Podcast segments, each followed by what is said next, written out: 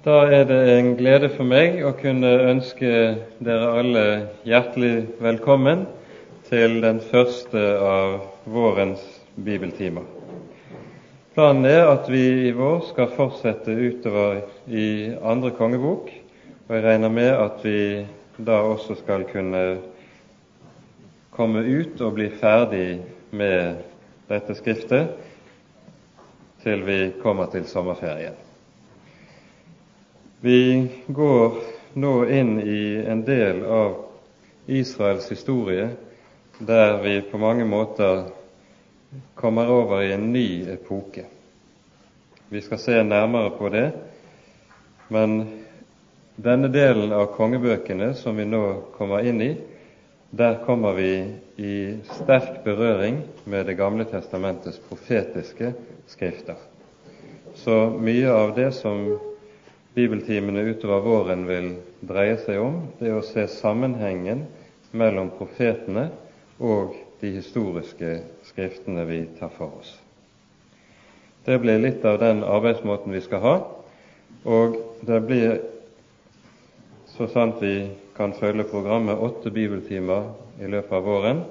Det er lagt ut menighetsblad nede ved inngangen, og der vil dere finne alle datoene dere som trenger å planlegge litt på sikt.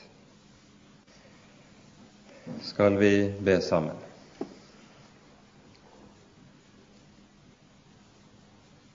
Kjære gode Herre og trofaste Far. Vi takker og lover deg at vi på ny skal få komme sammen i ditt hellige navn og om ditt hellige ord. Takk at du selv har lovet at du vil møte oss gjennom dette ord, for å gi oss visdom til salighet og lys for veien gjennom livet.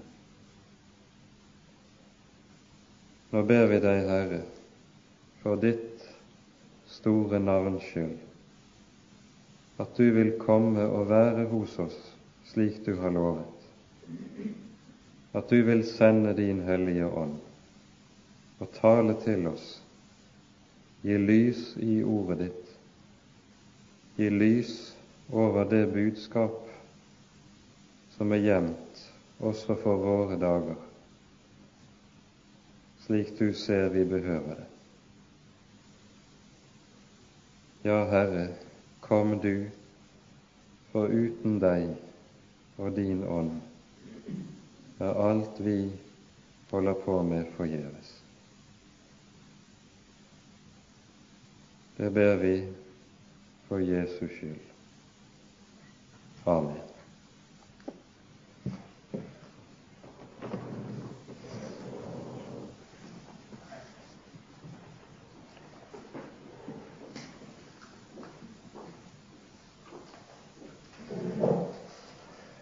Det er slik at når vi leser kongebøkene, så pendler beretningen mellom Nordriket og Sydrikets historie.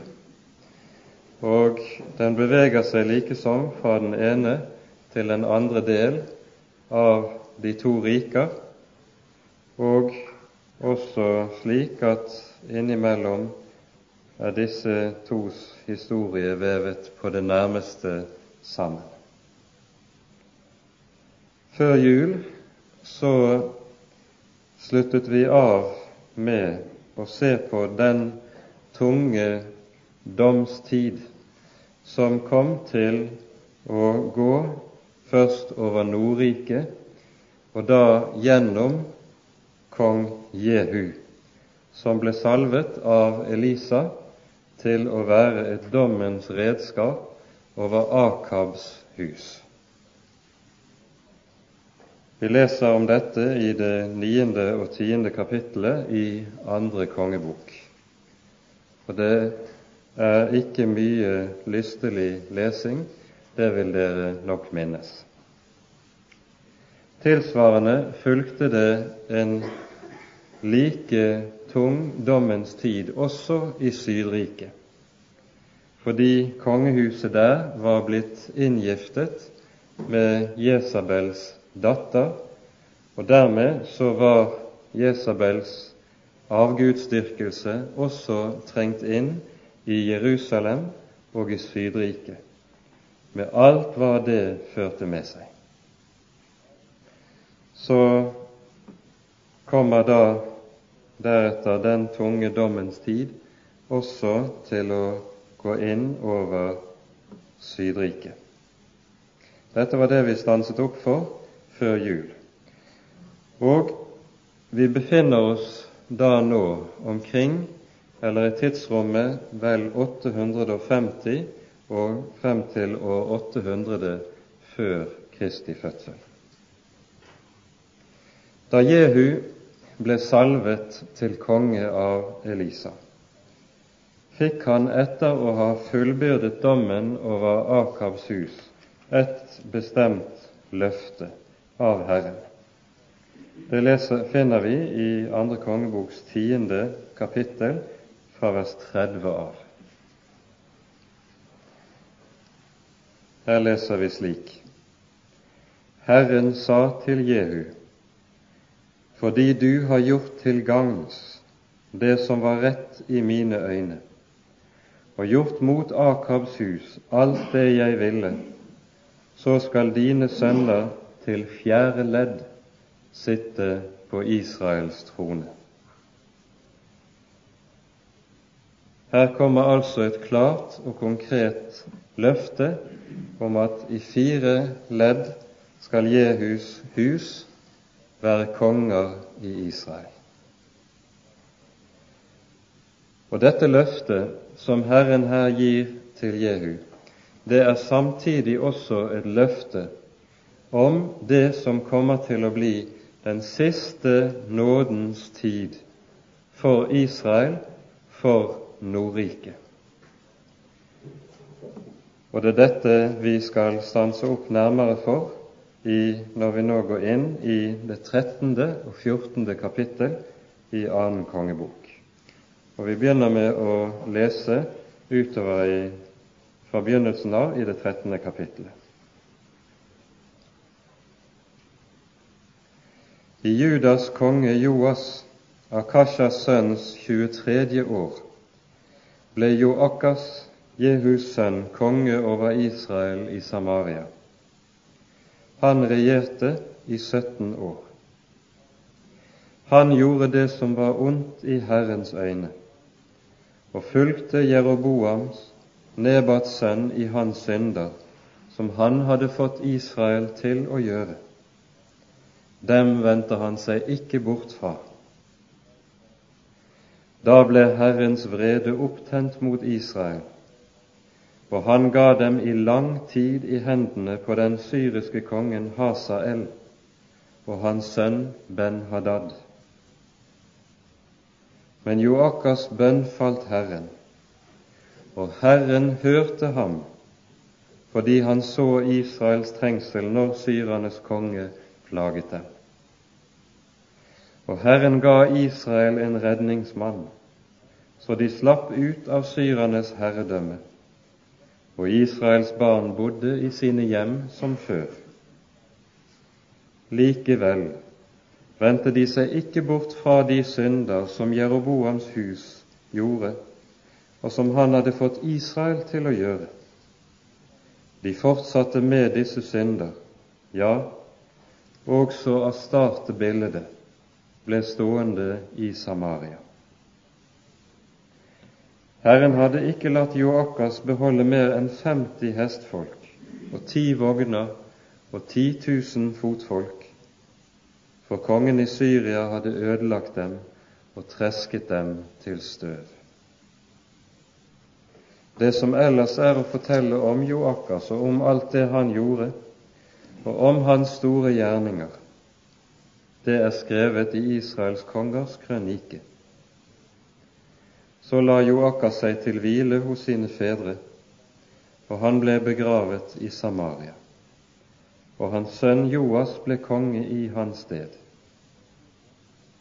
I Judas konge Joas 37. år ble Joakas sønn Joas konge over Israel i Samaria, og han regjerte i 16 år.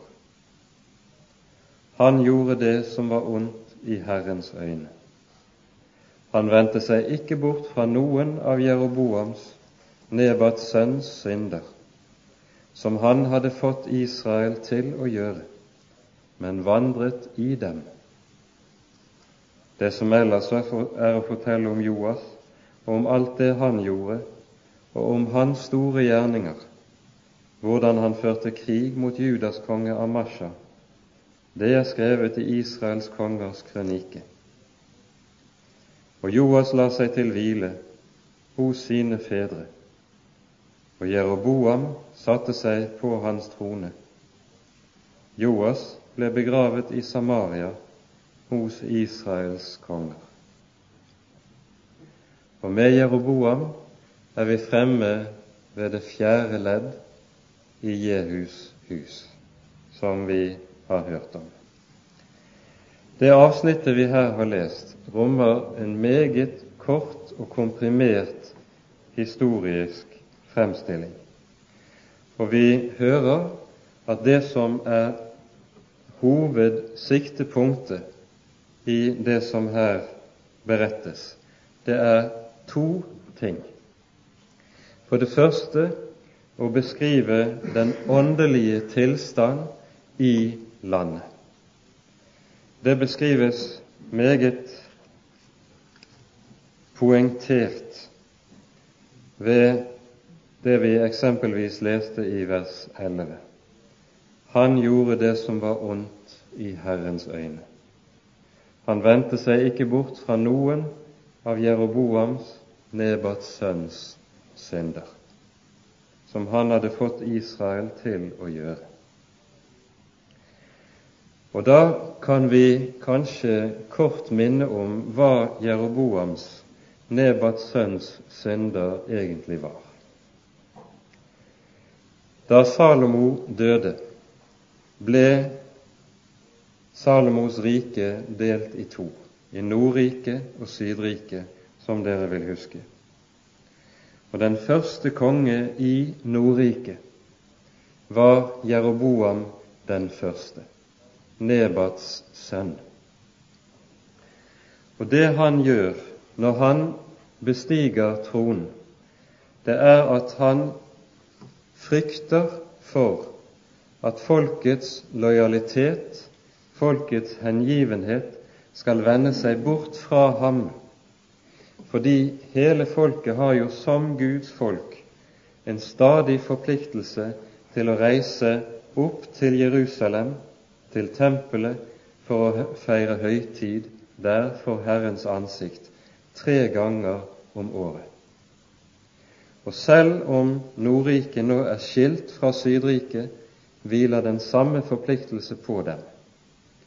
Og da er det også naturlig for en konge å tenke at når et folk har sitt religiøse sentrum utenfor sine egne grenser, så vil også deres hjerter kanskje komme til å vende seg dit.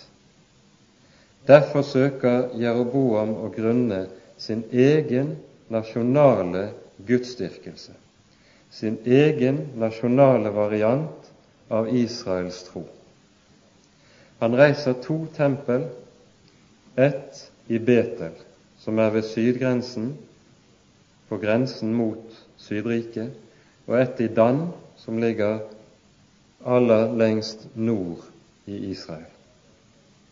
Og i disse to templer setter han en kalv av gull, som Og så sier han til folket dette er din Gud, Israel. Dette er Herren din Gud, som førte deg opp fra Egyptens land. Her skal dere tilbe. Det Jeroboam altså gjør, det er at han innfører en ny gudsdyrkelse under skinn av at det er den gamle tro. For å sikre politisk stabilitet og lojalitet i sitt rike. Derfor innfører han en gudsdyrkelse som også er meget enklere, den er meget mer populær, meget mer lett forståelig for folk enn den gudsdyrkelse som foregikk i tempelet i Jerusalem. Og hele folket vender seg til Betel og til Dan. De går til kalvene for å tilbe, og dette blir årsak til frafall for Israel.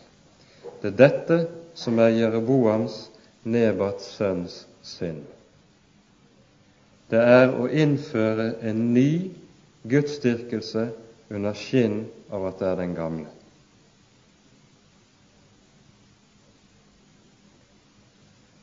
Når Jehu kommer på tronen, har han et veldig oppgjør med Akabs og Jesabels hus, som utryddes til siste mann.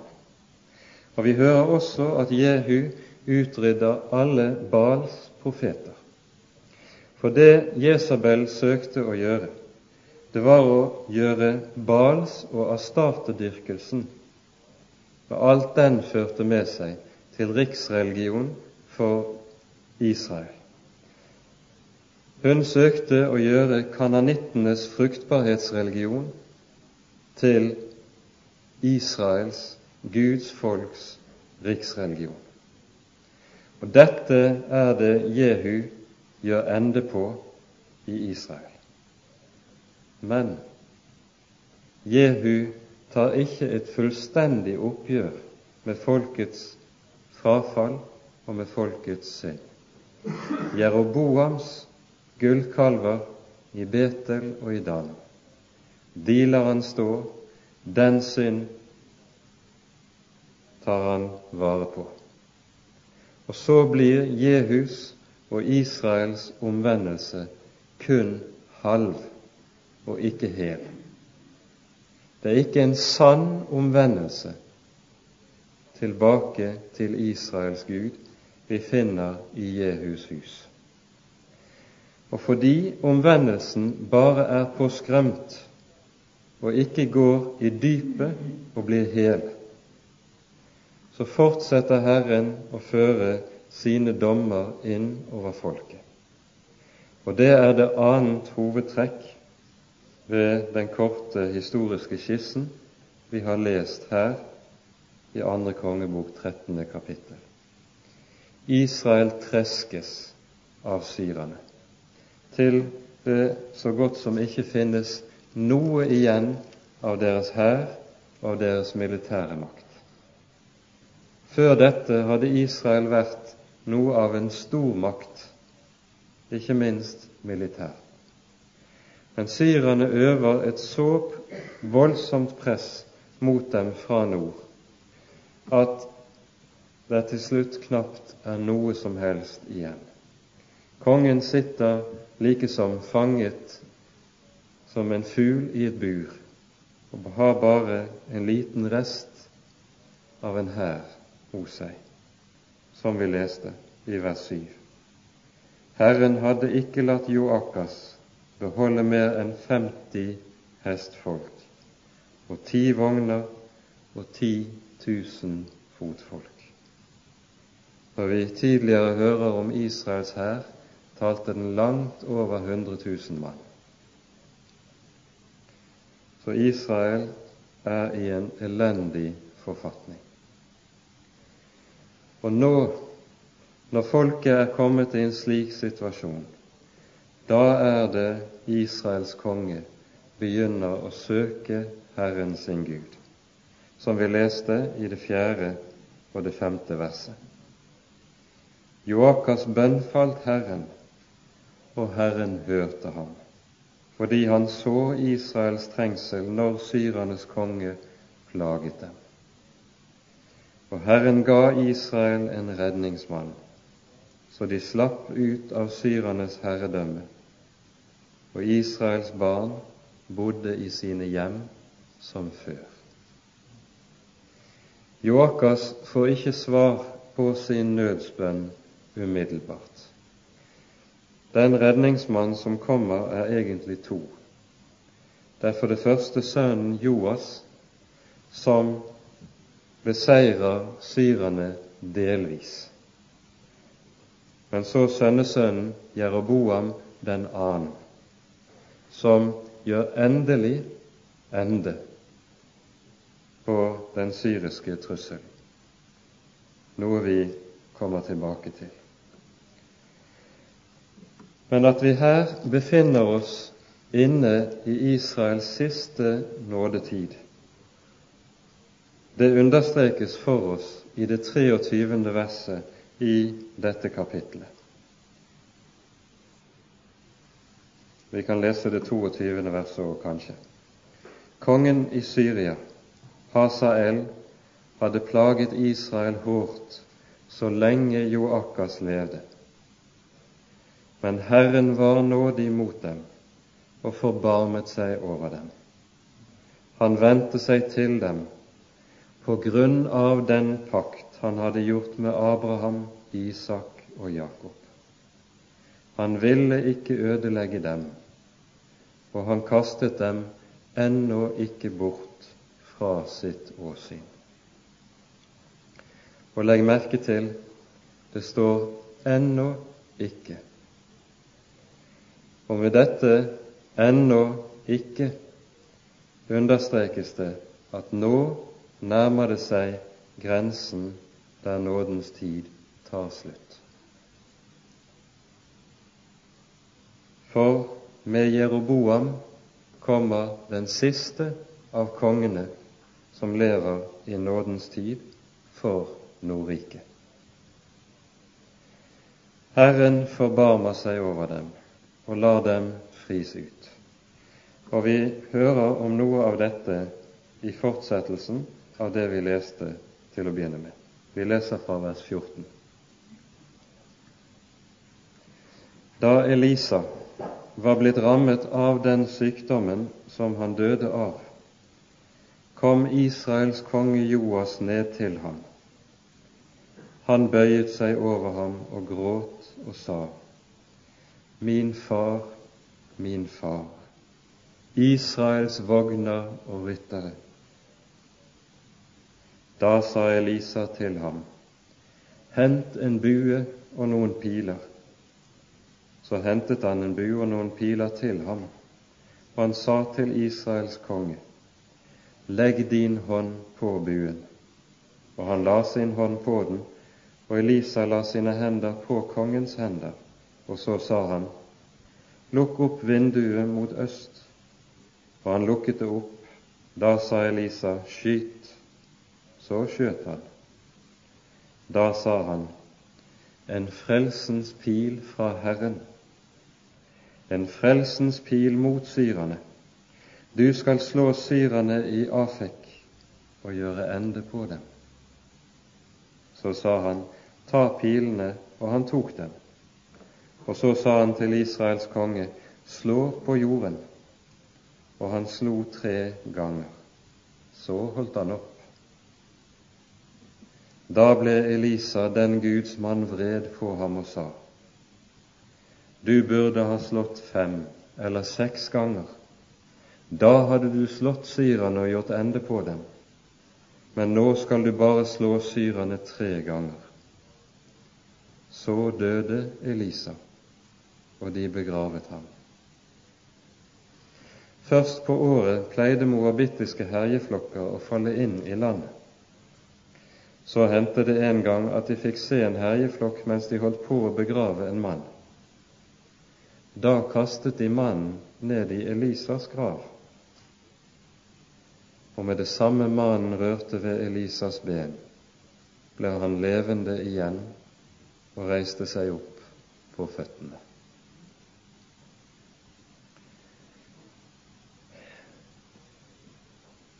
Her møter vi Elisa for siste gang, som taler også etter sin død som virker også etter sin død.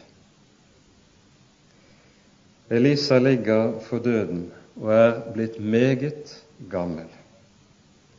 Det er gått mer enn 45 år siden han salvet Jehu til konge over Israel. Og før dette hadde han vandret sammen med Elias i en årrekke. Så Elisa nærmer seg antagelig de 70. Og vi legger merke til at når han nå ligger for døden, og kongen kommer ned til ham, så kommer kongen til ham med de samme ord som Elisa ytret da Elias ble tatt opp til himmelen. Elisa så sin åndelige far bli rykket bort i en vogn av, som var trukket av gloende hester,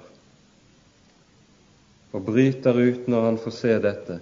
Min far, min far, Israels vogner og ryttere.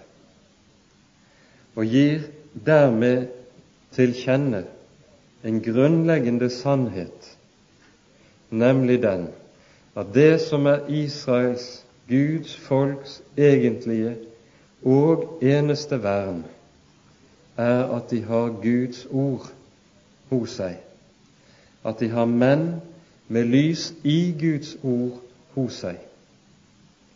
Har de ikke Guds ord hos seg, lyder ikke det lenger i folket, så hjelper det ikke om hæren er aldri så stor og hestene aldri så tallrike.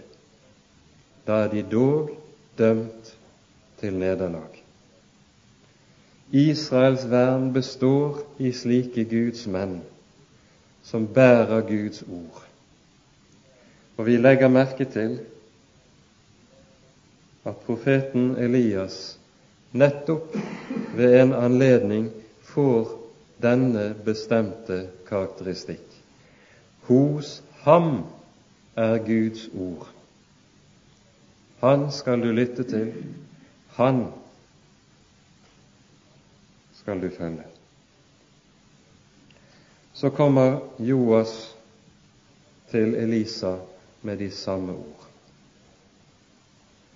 Han skjønner, kanskje som i et glimt, midt inn i sitt mørke, for han lever i Jeroboams synder, så skjønner han dog, kanskje som i et glimt, hva han nå er i ferd med å miste. Og nå reises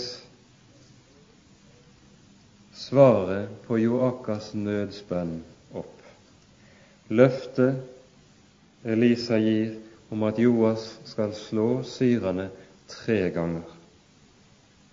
Og dermed begynner Israels, Nordrikets, utfrielse fra dommen ved syrerne. Og vi skal legge merke til at selv om Joakas og Joas omvendelse er halv, så ligger der dog en spire i denne omvendelse, som Herren svarer på. Herren har gjennom en årrekke tuktet folket og deres konger hårdt gjennom krigen, gjennom hungeren, gjennom stadig å sende fiender inn i landet. Og nå ser han like som den første spire til omvendelse og svarer med å sende utfrielse, med å sende hjelp og trøst.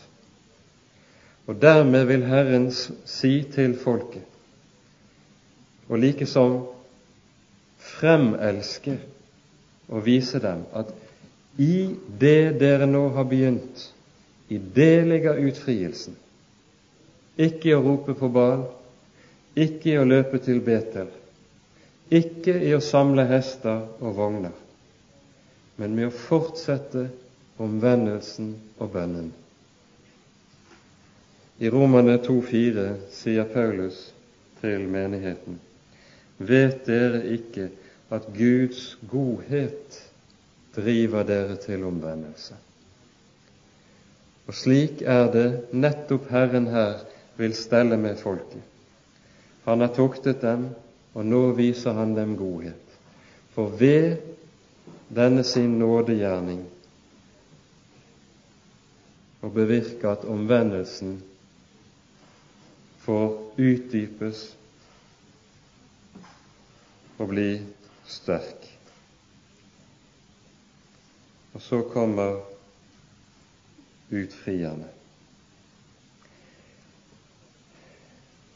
Likevel skal både Joas og hele folket utfris fra en bestemt misforståelse som de meget lett falt i ut fra sin kjødelige innstilling, nemlig at den tro at folkets utfrielse hvilte på mannen Elisa, på mannen Elias, i stedet for på Elisas og Elias Gud og Herre. Og det er det som beretningen om det som skjer ved Elisas grav, forteller oss. Elisa er død. Kroppen hans har gått i oppløsning, og det eneste som ligger igjen etter ham, er de tørre ben. Han kan intet gjøre fra eller til. Så flykter et gravfølge om å kvitte seg med den døde de skal begrave, og kasta ham i Elisas grav, som antagelig lå i en klippe. De rullet vekk stenen og kastet den døde inn dit. Og så flyktet de for beduinflokken som kom herjende inn i landet. Og så blir mannen levende igjen. Og dermed gir Herren til kjenne at det ikke er Elisa. Han kan intet gjøre til eller fra. Men det er Herren, det er Elisas Gud, som gjør levende. Det er Han som gjør levende ved sine redskaper. Og derved taler han også klart til folket om hva som er hans ønske og hans gjerning for dem. Ved å lytte til det budskap profetene har talt, skal det bli med folket som med denne døde. Det skal bli liv av døde for dem. Så taler han enn etter sin død. Og så kommer vi inn i kong Jeroboams, den annens regjering. Det leser vi om, og nå gjør vi et hopp til vers 23 i det 14. kapittelet. Med Jeroboam den annen er vi i det fjerde ledd, som sagt, etter Jehu. Og Jeroboam blir sittende på tronen i 51 år. Det er en av, det, han er den kongen som kom til å regjere aller lengst i Nordriket. Det var bare et par konger som regjerte lengre også i Sydriket. Vi leser fra vers 23. I Judas konge Amashas, Joas sønns femtende år, ble Jeroboam, sønn av Israels konge Joas konge i Samaria, og han regjerte i 41 år. Jeg sa 51, og her er det et spørsmål om hva som er den korrekte lesning av teksten. I noen håndskrifter står det 51, og det er antagelig den kronologien som stemmer, men det er ikke vesentlig her. Vi leser videre. Han gjorde det som var ondt i Herrens øyne. Han vendte seg ikke bort fra noen av de synder som Jeroboam, Nebats sønn, hadde gjort og fått Israel til å gjøre. Han vant tilbake landområdene som hadde tilhørt Israel fra der hvor veien går til Hamat og til ødemarkshavet, slik Herren, Israels Gud, hadde talt ved sin tjener profeten Jonas, Amittais sønn fra Gat-Hefer. For Herren hadde sett at Israel var kommet i bitter nød. Det var ute både med store og små og det var ingen til å hjelpe Israel. Herren hadde ikke sagt at han ville utslette Israels navn under himmelen. Derfor frelste han dem ved Jeroboam, Joas sønn. Det som ellers er å fortelle om Jeroboam og alt det han gjorde, og om alle hans store gjerninger, og om de kriger han førte, og hvorledes han vant tilbake til Israel, den del av Damaskus og Hamat som før hadde tilhørt Juda, det er skrevet i Israels kongers krønike. Og Jeroboam la seg til hvile hos sine fedre, hos Israels konger, og hans sønn Zakaria ble konge etter ham.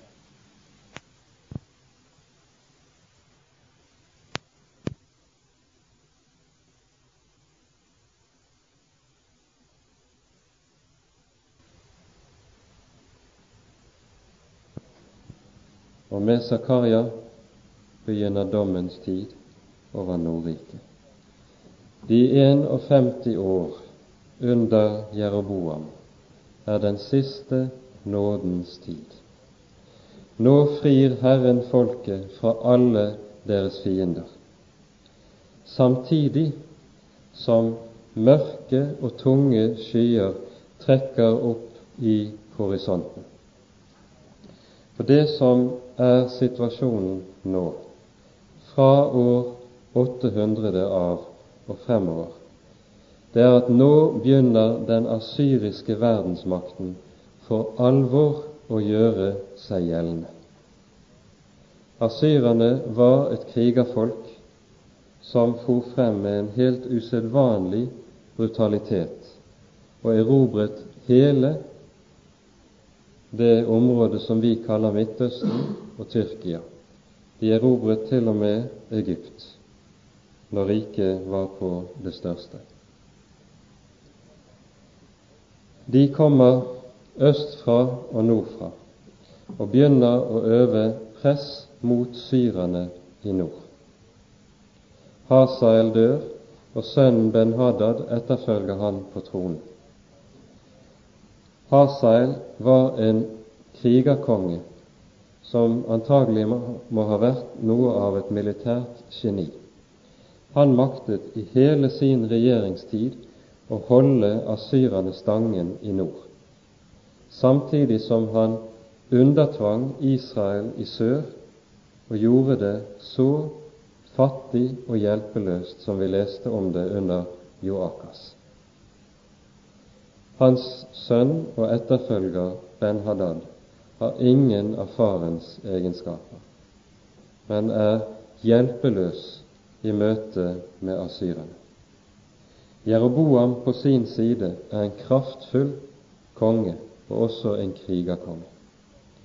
Og han gjør antagelig det politiske trekk at han for å klare seg mot syrerne inngår politisk og militær allianse med asyrene.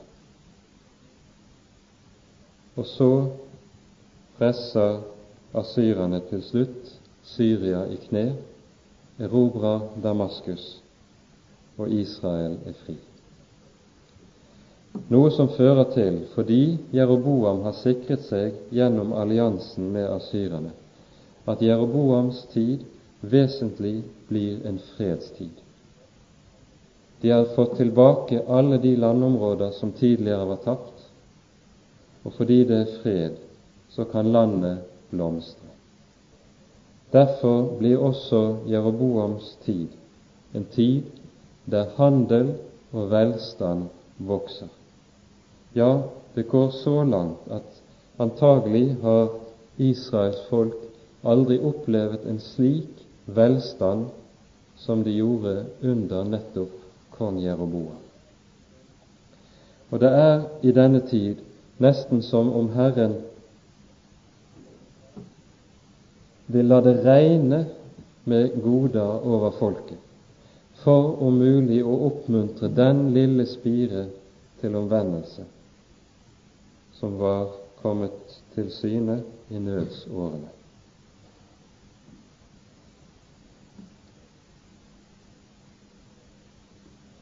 vi leser hos Amos i det fjerde kapittel hva fasiten på dette blir.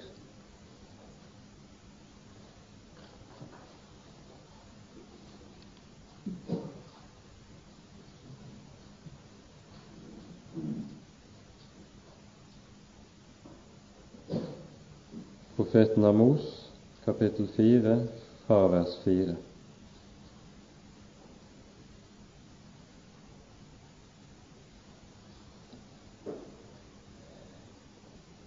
til Betel, der gullkalven sto, altså. Gå til Betel og synd. Gå til Gilgal og synd til gangs. Bær hver morgen frem deres slakteoffer, hver tredje dag deres tiende. La røk av syret brød stige opp som takkoffer, og tillys frivillige offer og kunngjør det. For slik vil dere jo gjerne ha det, Israels barn, sier Herren. Jeg lot dere gå med tom munn i alle deres byer, og lot dere mangle brød i alle deres hjem. Men dere har ikke omvendt dere til meg, sier Herren. Jeg har holdt tilbake regnet for dere, da det ennå var tre måneder igjen til høsten. Jeg lot det regne over en by, men ikke over en annen.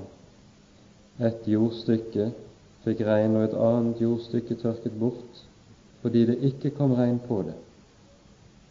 To og tre byer ravet av sted til en og samme by for å drikke vann, men fikk ikke nok. Men dere har ikke omvendt dere til meg, sier Herren. Jeg har slått dere med kornbrann og rust. Gresshoppene åt opp deres mange hager og vingårder og fikentrær og oljetrær. Men dere har ikke omvendt dere til meg, sier Herren. Jeg har sendt pest blant dere som i Egypt. Jeg har drept deres unge menn med sverdet og latt deres hester bli hærfang. Jeg lot stanken fra deres hær stige opp i nesen på dere. Men dere har ikke omvendt dere til meg, sier Herren. Jeg har omstyrtet byer iblant dere, slik Gud ødela Sodoma og Gomorra og deres ble som en brann revet ut av ilden. Men dere har ikke omvendt dere til meg, sier Herren. Derfor vil jeg gjøre dette med, deg, Israel. Og fordi jeg vil gjøre slik med deg, Israel, gjør deg rede til å møte din Gud. Gjør deg rede til å møte din Gud. Og så forkynner Amos dommen over det frafalne folk. Nå skal vi legge merke til at Jeroboams tid også er den første profetenes tid. Vi hørte i vers 25 som vi leste i andre kongebok 14, at her ble en bestemt profet omtalt, profeten Jonas fra Gat-Hefer. Han som vi ellers bare kjenner fra beretningen om hvalfiskens buk. Jonas er profeten Elisas etterfølger og er antagelig vokst opp i en av de profetskoler som Elias grunnet og virket i, og som vi har hørt om tidligere. Og nå går profetgjerningen og profetenes virke over i en ny epoke. For for første gang får vi nå det vi kaller for skriftprofeter. Samuel, Elias og Elisa, Nathan osv., som vi har hørt om tidligere, de skrev ikke selv sine profetier og sine budskap ned. Det var andre, det var krønikeskrivere, som noterte ned deres budskap. Men nå kommer skriftprofetene, de som virker og taler og skriver det budskap de har fått ned i samlede bøker. Og dette begynner nettopp i Jeroboam den annens tid. Og i Nordriket har vi tre slike som virker. Det er Jonas, det er Amos, og det er Hosea. Disse tre virket i Nordriket. Og litt senere, ikke meget, får vi nøyaktig den samme foreteelse også i Sydriket. Skriftprofetene trer frem også der. Joel som den første av dem, og så Mika og Jesaja. Disse tre virket i syd, og omtrent samtidig, bare litt senere, med de tre i nord. Og Nå ser vi også et annet trekk komme inn, og som viser at vi nå er inne i en ny epoke i Guds rikes historie. For det som kjennetegner skriftprofetene, er at deres gjerning og deres virke først og fremst, ja, først og sist, består i å gi Guds ord til Guds folk. Det er ikke lenger slik at profetenes virke ledsages av tegn, under og mirakler, slik det tidligere har gjort. Vi hører jo både om Elias og Elisa at deres tid og deres gjerning på en helt særskilt måte var ledsaget av tegn og under. Nå opphører dette. Og disse profeter virker kun ved ord og ved Skrift. Det er en ny epoke som begynner. Og samtidig, og det er det tredje trekk som viser den nye epoke som nå kommer. Mens Elias, Elisa og de tidligere profeter så godt som utelukkende hadde sin samtids Israel som sikte for sin profetiske gjerning. Så er det nå slik med skriftprofetene at de står der med dommen for øynene. De vet at nå lakker det mot slutten for Guds folk. Og så kommer spørsmålet hvor er nå vårt håp? Hvor er nå Guds løfte? Løftet som ble gitt til Abraham, Isak og Jakob. Løftet som ble gitt til David.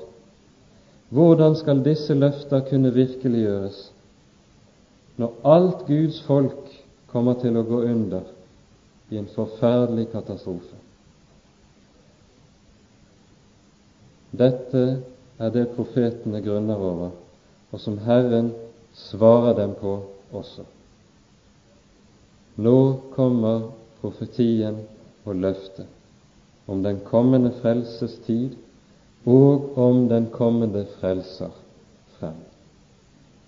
Nå er det Messias begynner å tre frem, klarere og klarere, nettopp gjennom disse profeter, som står der like som på randen av stupet at midt inn i mørket, midt inn i undergangen og katastrofen, så står dog løftet der at Herren skal vite og føre sin gjerning frem. Frelseren kommer, og hans bilde males stadig klarere gjennom disse profeter som nå virker. Dette er de tre hovedtrekkene som kjennetegner de profeter som nå trer frem. Samtidig må vi også føye til et annet trekk som er noe dulgt. Og det er at i og med at Guds folk nå blir stående under trykket fra verdensriket, verdensmakten av Syria, så er det også slik at nå begynner hedningenes tid. Nå begynner hedningenes tid.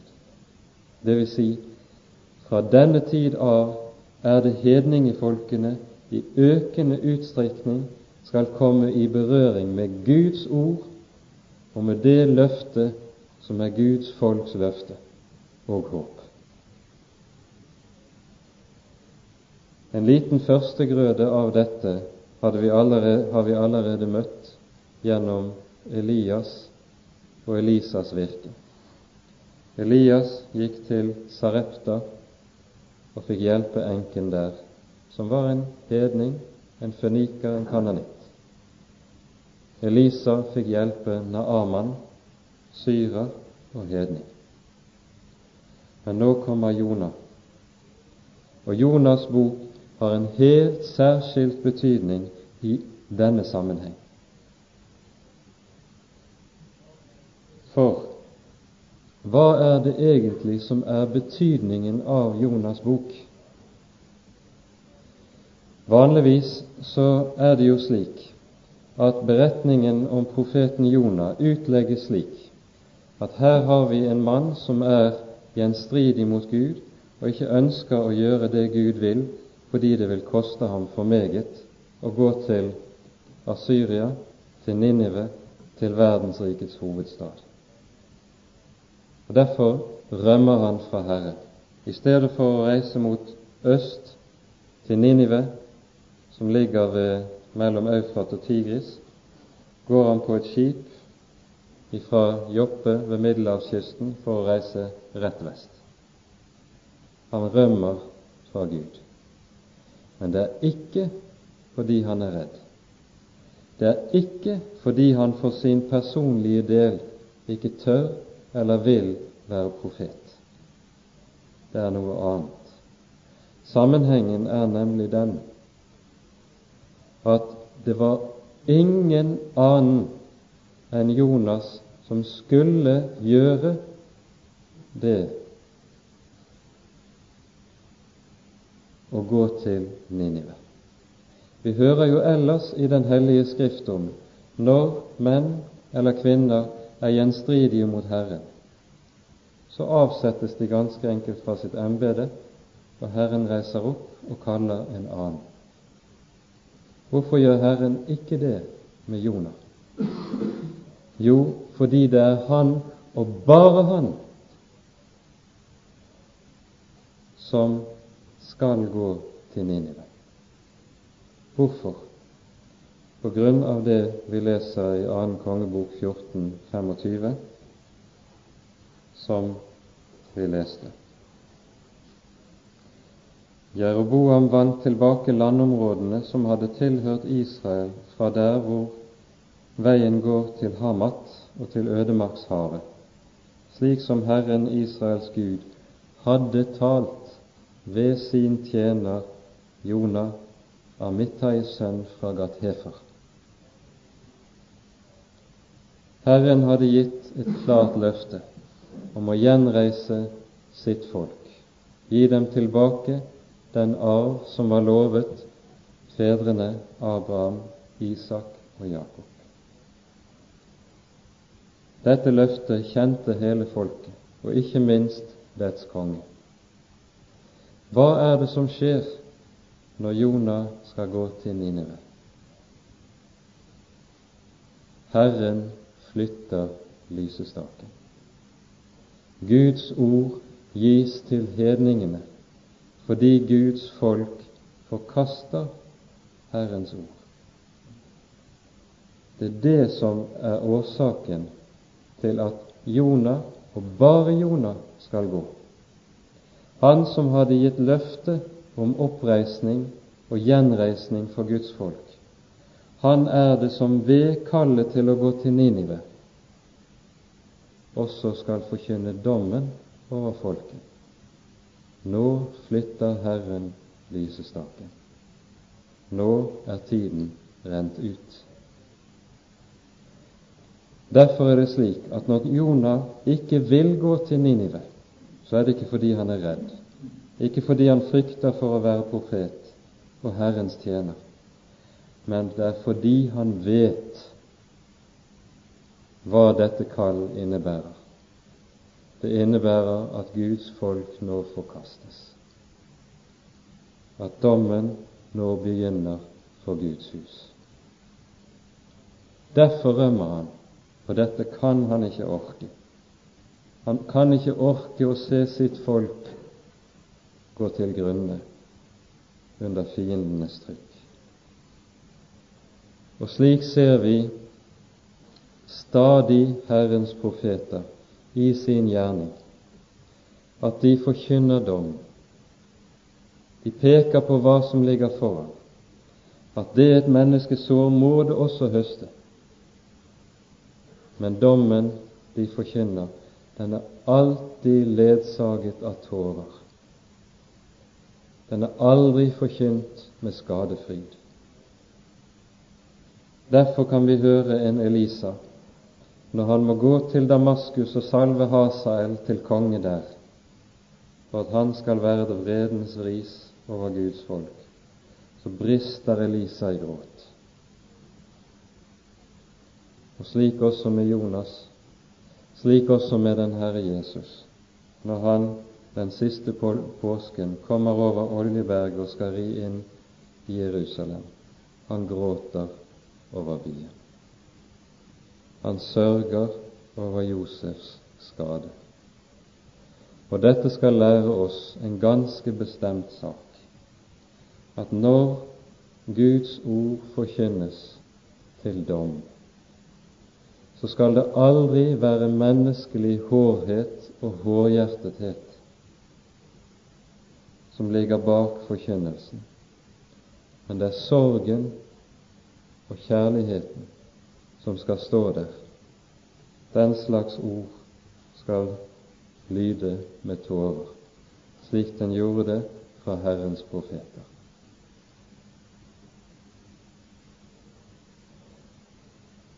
Så hører vi hvorledes det går med Jonah.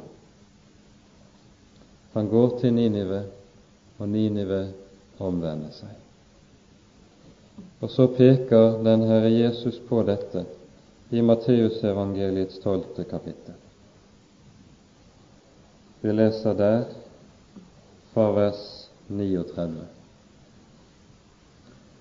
På ny står Guds folk i den stilling at de avviser Herrens ord og den Herren har utsendt. Og vi leser ja, Matteus 12, fra vers 38, tenker jeg. Noen av de skriftlærde fariseerne svarte ham da og sa:" Mester, vi vil gjerne se et tegn av deg. Men han svarte og sa til dem, En ond og utro slekt krever tegn, men tegn skal ikke gis den uten profeten Jonas' tegn. For like som Jonas var tre dager og tre netter i storfiskens buk, slik skal også menneskesønnen være tre dager og tre netter i jordens hjerte menn fra Ninive skal stå frem i dommen sammen med denne slekt og fordømme den. For de omvendte seg ved det Jonas forkynte, og se, her er mer enn Jonas.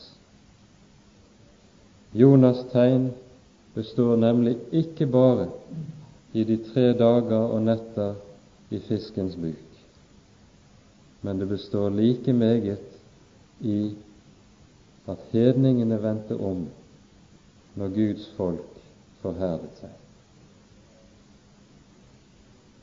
Dette er noe av et overlys over det som nå ligger foran videre utover gjennom kongebøkene.